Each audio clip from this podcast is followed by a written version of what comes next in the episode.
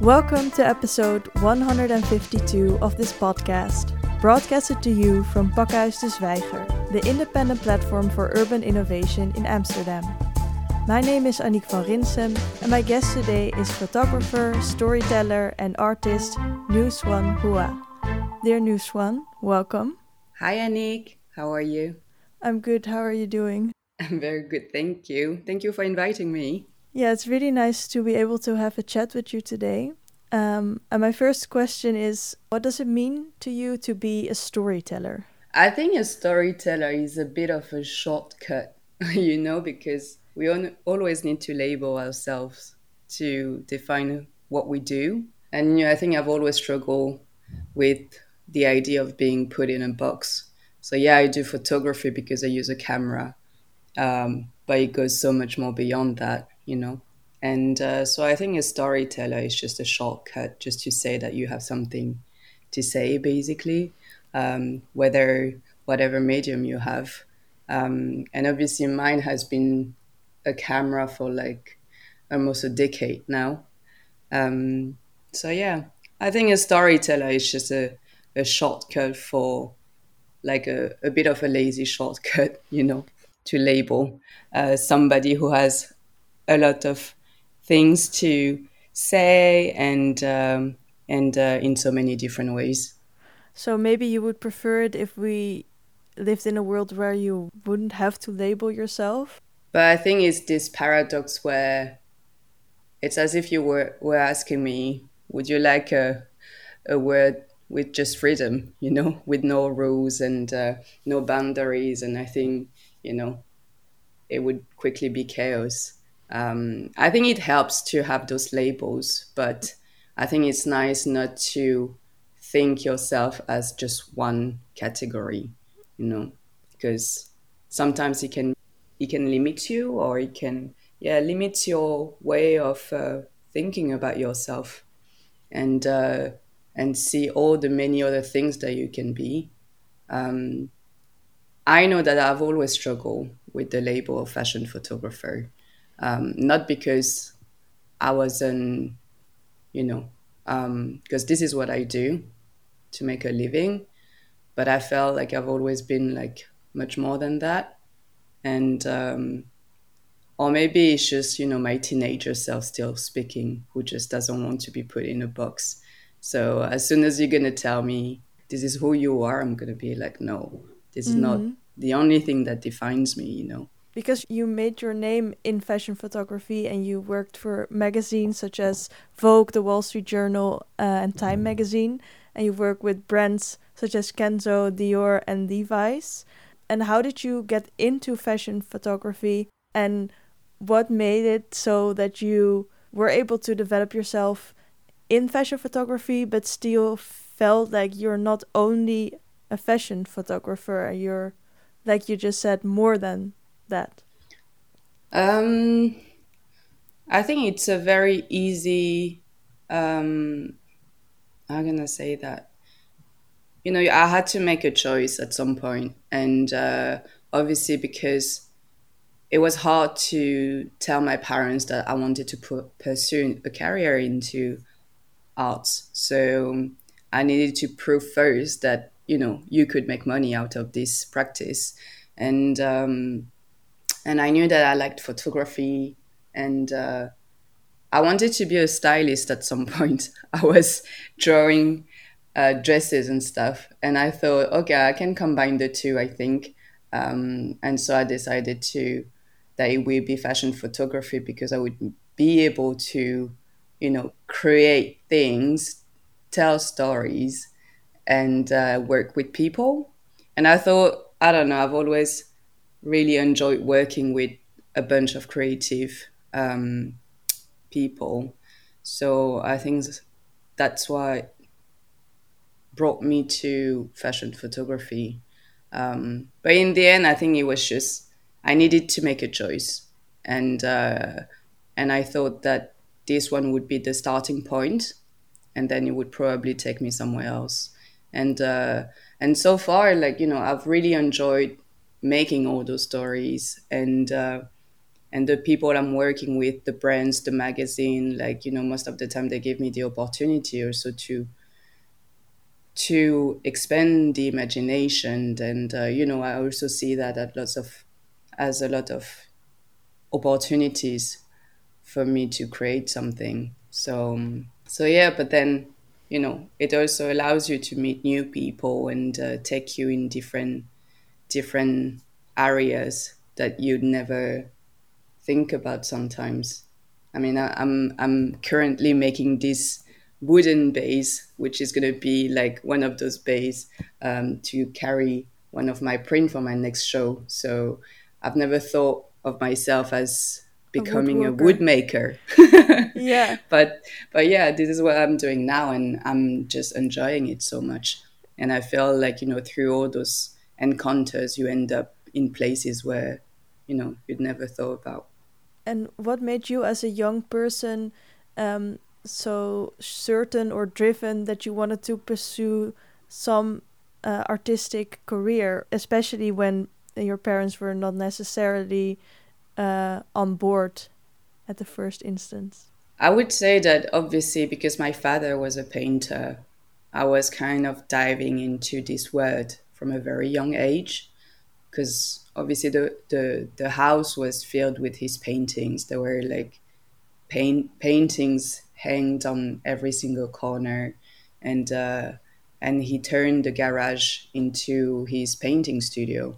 And so it felt like a little a little um, magical cave, you know, where I could just go and sat and just look around, and everything was just filled up from you know from the ground to the ceiling with books, and uh, it was like a cave of artistic references, you know, but not just art books. There were a lot of things like related to.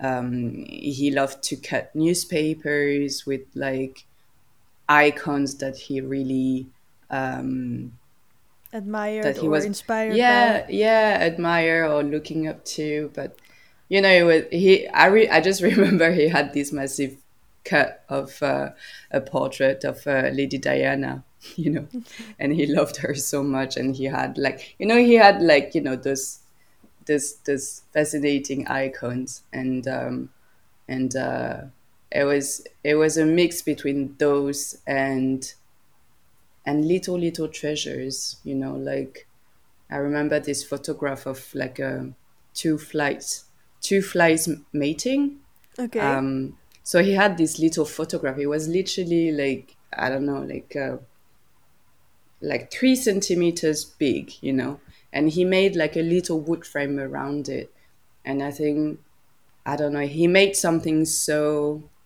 little so significant. I don't know how to explain, but yeah. Yeah, you I describe like, it very beautifully. Yeah, it's it, it was like those little treasures that you know I really like to to observe and uh, and uh, and he initiated me to paintings as well. He wanted me to be the next uh, Ingres, you know. So I painted I painted the odalisque, you know the the the um, the woman sat on the sofa. I painted her in a Picasso way at that time. wow, because, that because sounds very really, impressive. Because he wanted, like we, I don't know. I just really like sur- surrealism and cubism and expressionism, and also like classicism, like French classicism, and um, and I felt like you know part of me is really inspired by those two categories, and like when it meets, this is when the magic happens, you know. And uh, so there are like all those very strict rules with all this roller coaster, uh, emotional roller, roller coasters where there is actually like no rules. And I feel like I stand in between, but I'm very much driven by the two, you know. So what if you had told your father instead I want to become a photographer, I want to become a painter, would if would he have been more on board with that decision? You think? No, I think it would have been even worse. no, because because basically, like he he studied uh, fine arts in Vietnam um, in his early years, and then the war happened, and uh, they, my family, flee the country um, after the end of the war. Like they stayed, like so, the end of the war was seventy five. They stayed until 78, 79 for for the last ones, and um, and obviously they arrived in a new country with a new language, and uh, and my father is deaf as well, so everything was just very complicated, you know. Um, well, first you are just being displaced from your home. You need to reconstruct yourself. So I feel like, I mean, we never really talk about it, but I don't know how it must feel if you would dream about like an artistic career and then you end up in a new environment where you just need to survive. I don't know if there is still space to dream, you know.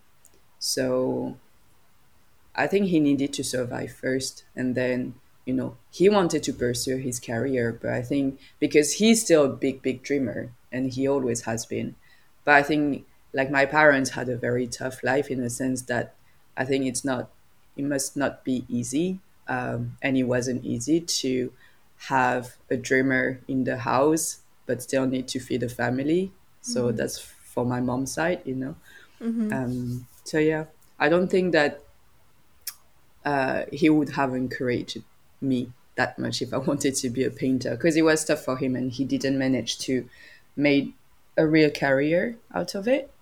Um, so yeah, and I think all, all the family was worried because at that time it was more about okay, you need to make sure that you make the best out of this life that we gave you, you know. So there was also a lot of pressure. Well, and but that didn't uh, hold you back to pursue an artistic career. And like you said, you you thought as long as I keep busy, things will lead me places. And in September this year, Huis Marseille presents your first ever museum exhibition, Hug of a Swan. How do you feel about that? I feel so excited. I haven't told my father yet, to be honest. Why Um, not? I don't know. It's a very strange feeling. Um, I feel like I want it to be mine first. So once I give birth to it, then we'll see. But I kind of feel like I want to d- do this by myself. And uh, I think it's just like, you know, I always had to prove that I could make things happen. And, um, and as much as, you know, I'm I'm happy of all the things that I've achieved. Um, and I know that a lot of it is also thanks to that toughness from them. Um, I'm very excited to have been invited to this show in September. And because I'm really putting all my heart in it. And uh, it's like a big, big, big tribute to all those years of like, you know, um, research and uh, and uh, identity um, quests as well. And uh, a lot of it is related to my family. So yeah, I think in a way it's a big big tribute to them. Yeah, so maybe it's also to um, vulnerable to invite them in the process before. Like if they know this exhibition exists, it's it may be too too close or something. I don't know because they are they are part of the exhibition as well because a big part of the work is related to this uh, personal project that I've developed uh, in the past six years, which is based on a on an archive, uh, a big archive, big archive of family pictures, and uh, and so I, t- I told my family from my mom's side because it was mostly the archives from their side, so I told them that they were part of the show. Um, so it would be great if they come. So could you tell us a bit more about this research that you've done and maybe first how it started? Why why did you start a research and what is uh, the research that you were doing? Uh, it kind of happened.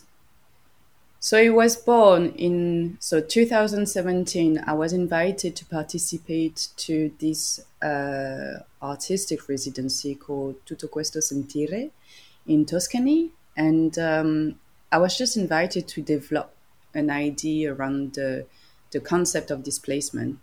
And at that point, like I literally got back from Vietnam and went straight to the residency, and that was my second journey back to Vietnam as an adult.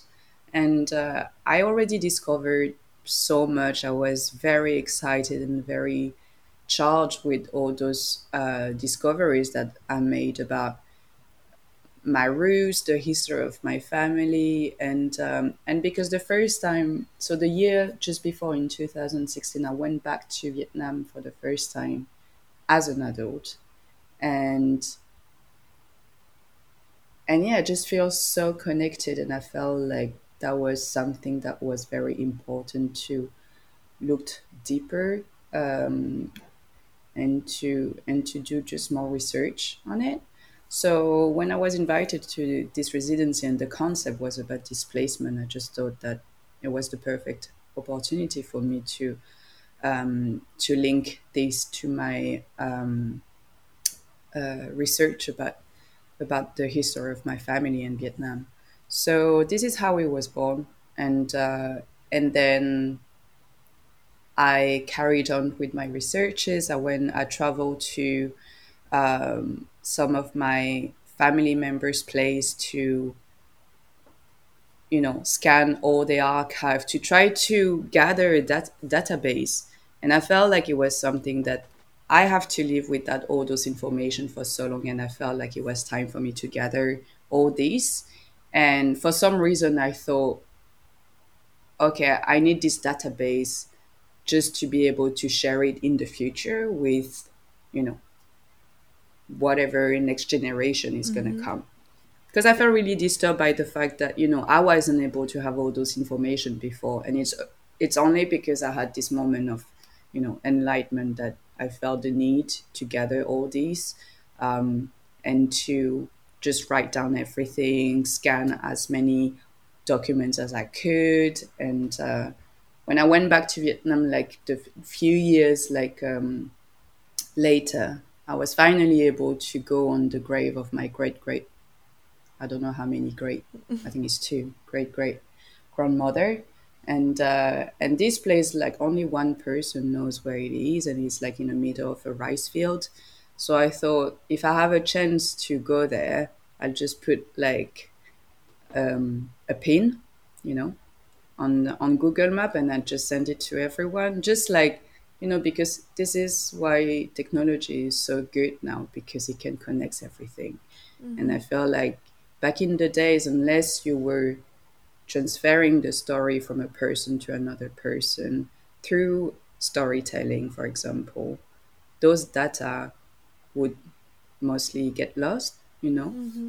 and uh, and i feel like i don't know i i kind of feel like it was a bit of a duty to do it too and what do you think makes it so that um, the past and family history is rarely really talked about extensively, or that you felt like you really needed to search for it? Uh, and why did you feel this this need to then do it yourself and also provide for perhaps future generations this wealth of information?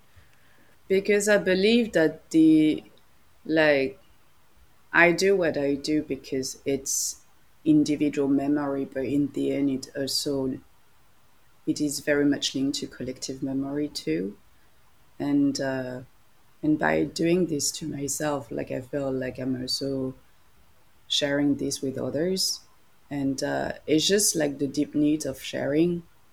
Um, I don't know if I can go further than this. Like it's a very simple concept, but yeah, I just felt driven by that. Like I just wanted to share and I wanted to to feel like the love and uh, and uh, it was just like a big sharing moment to me. A moment of connection, also. Yeah, a big moment of connection, and also because this this journey allowed me to reconnect so much with not only my roots in a immaterial and energetic and spiritual way, but also just physically with my family, you know, because in our culture it's not it's not a thing to to show affection. And I feel like this project really allow me and and my family to get together, to get closer, to get more physical as well. Um, you know, and uh, give each other hugs, uh, show each other loves and support. Like I received so much support with this project, which is not something that I thought I could get from them. In what way did they support you? Uh, just the words, uh, which is something that lacks a lot in our culture and the way we exchange. Uh, just the way we communicate is usually not so much through words. And I feel like a lot of words has been shared through the years thanks to this project. Um, yeah. It's beautiful. This project was called Tropism Consequences of a Displaced Memory. So, could you tell a bit more about this title because it sounds a bit intriguing? So, tropism is is ba- so the term tropism is a biological term that defines like um, the automatic movement of something organic uh, toward an external stimuli. So, for example, a flower would automatically turn toward the sun. Um, so that's a tropism. And uh, basically, some some author in literature, some author took this term and used it to define uh, the inner movement inside you, your emotional movement inside you. So, for example, Nathalie Sarraute, which is a French author, she wrote a book uh, of the same name called Tropism, where she describes her non explicable um, body reaction to events that she is on the moment she's witnessing on the moment.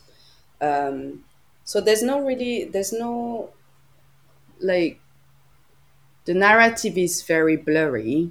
Is very much about what you feel. And uh, and there is a big part of um, mystery in a sense that is not really something that is material.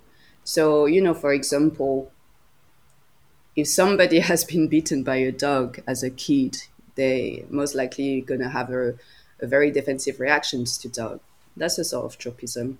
And so basically, um, tropism um, is a project about uh, all those movements inside me connected to those memories uh, of my family. So it's basically a research about the inherited memory of the ancestors and uh, and how they are connected to me. Um, so it started with those archive pictures because I felt like as I was going through them, I would feel emotions that were very strange toward people that I didn't even know. And so I started questioning those feelings. And I was like, why do I feel so connected to moments where I wasn't even born, but I feel deeply the need to do something with those pictures.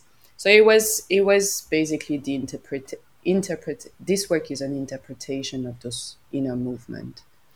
Yeah, and what kind of feelings you said strange feelings, but were there and you also said uh, feelings of of connection, but were were there feelings of longing, of sadness, of happiness, or what kind of strange feelings could you uh, feel when looking at these kind of pictures? That's the research. That's all about the. That's that's the the, the big question mark around um, this research because it's it's it's almost none of them. Like it's uh, this non-explicable emotion that I'm trying to to interpret through the paper and through through the digital manipulation. So that's why like, you know, you see so in this project, most of the time the silhouette disappears. Um, a lot of those pictures are pic- family portraits with people, and most of the time the silhouette disappears, but not because they become ghosts, or maybe they are, I don't know. But just because it, there is something hanging and floating in this in those pictures, and I think that's why. I mean, I didn't. I didn't question too much the process of why I was creating this movement on the pictures because usually the way I work in fashion photography is so much more controlled and so much more like the, the process of research for a fashion shoot for me at least is much more longer. I love to dive into references try to find the perfect combination of this composition and that composition. Where here i, I think i made a, a, a pact with myself and i was like here is just about instinctive um, reaction. And uh, don't think too much. Just go with the flow and see what happens you know? So most of those pictures took me couple of hours to make just because i made a point about not thinking too much about what was happening between me and these photographs. Um, and i think it's just with the time after developing like so many of them that i figured that you know most of the silhouette were disappearing that some colors were uh, more um, uh, diluted than others, and uh, and yeah, but I think it's a bit odd to try to find an explanation. I think that's enough just to say that it's just about this those inner movement that the, the memory leaves behind you, you know. Yeah. And you said they are you digitally manipulate these pictures. Can you describe how you do that and what it look like wh- what it looks like? I guess you see the result on the on the on the photographs. Uh, Because I feel like I'm not. Uh, I like the computer in the sense that it gives me the um, the freedom of of of playing with.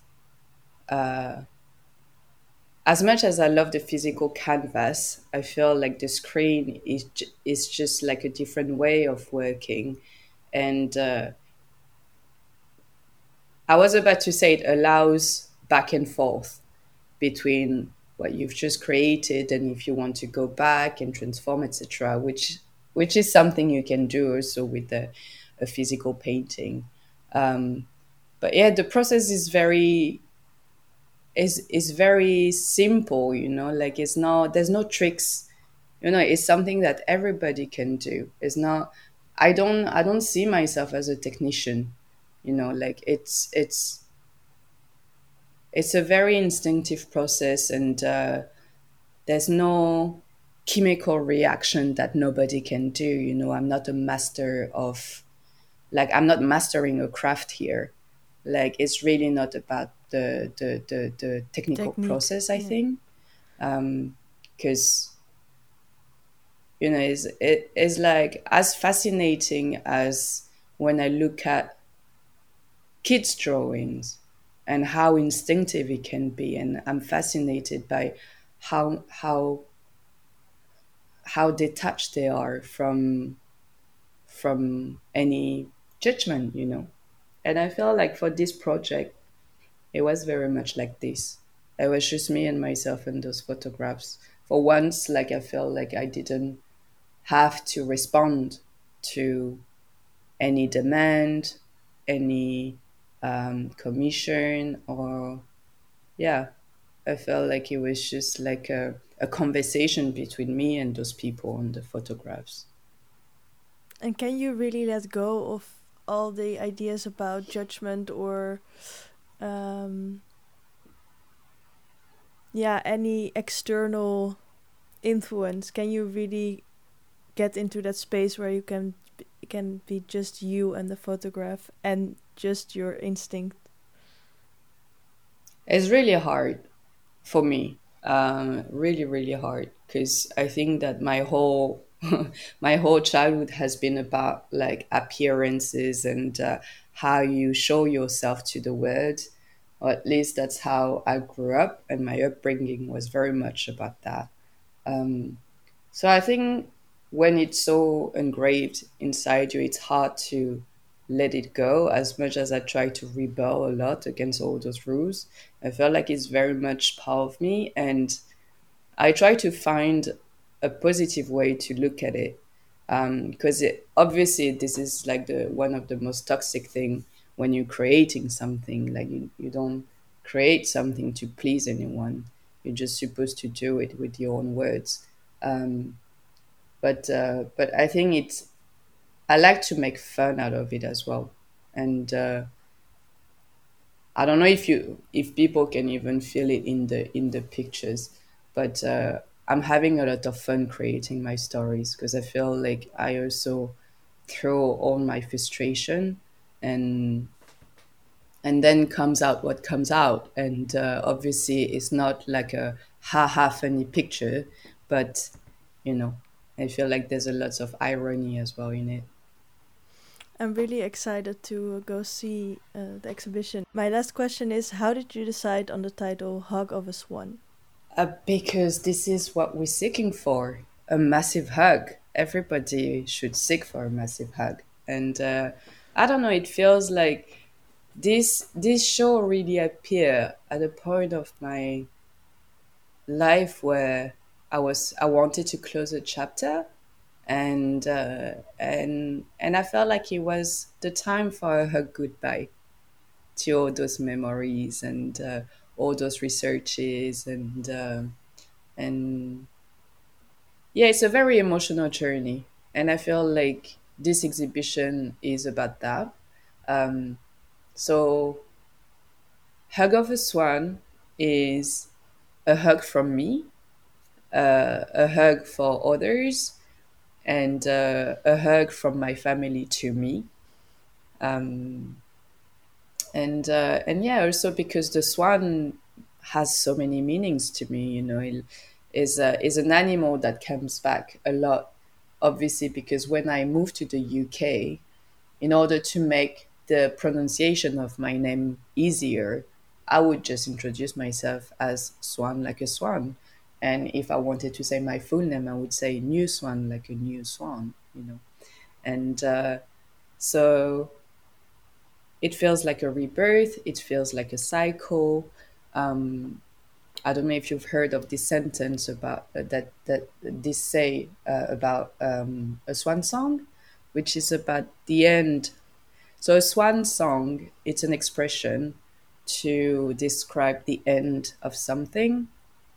So the swan song is the last song of a swan before it, it its death. Um, so everything kind of made sense and and this this title hug of a swan just came back all the time for a couple of months and i thought and i i tried to thought about like different titles but yeah this sentence just keep coming back and i felt like maybe it's just because it's what it is you know um so yeah and i so this one was also a joke because of all the mispronunciation and all the misspelling of my name so yeah, there's lots of different layers. Um, I made a little collection of all the emails that I received with the misspelling of my name. I've compiled them all in a file. So maybe someday, like you know, that's gonna become something too. So yeah, hug of a swan, written as a swan, was also a joke about that. And this one song is um, a goodbye, but in a way, it's also this exhibition is also a start. It is, but you know, because any ending brings a new beginning. And on that note, thank you so much for joining our conversation, Nhu Xuan. Thank you so much, Annick. That was a very big pleasure. Dear listeners, this was episode 152 of the podcast series by Pakhuis de Zwijger. Do you want to know more? Then come join our program Hug of a Swan Wednesday, September 7th at 8 pm at Pakhuis de Zwijger. Subscribe to our podcast via SoundCloud, Spotify, Apple Podcast, or another podcast platform. Thank you for listening, and until next time.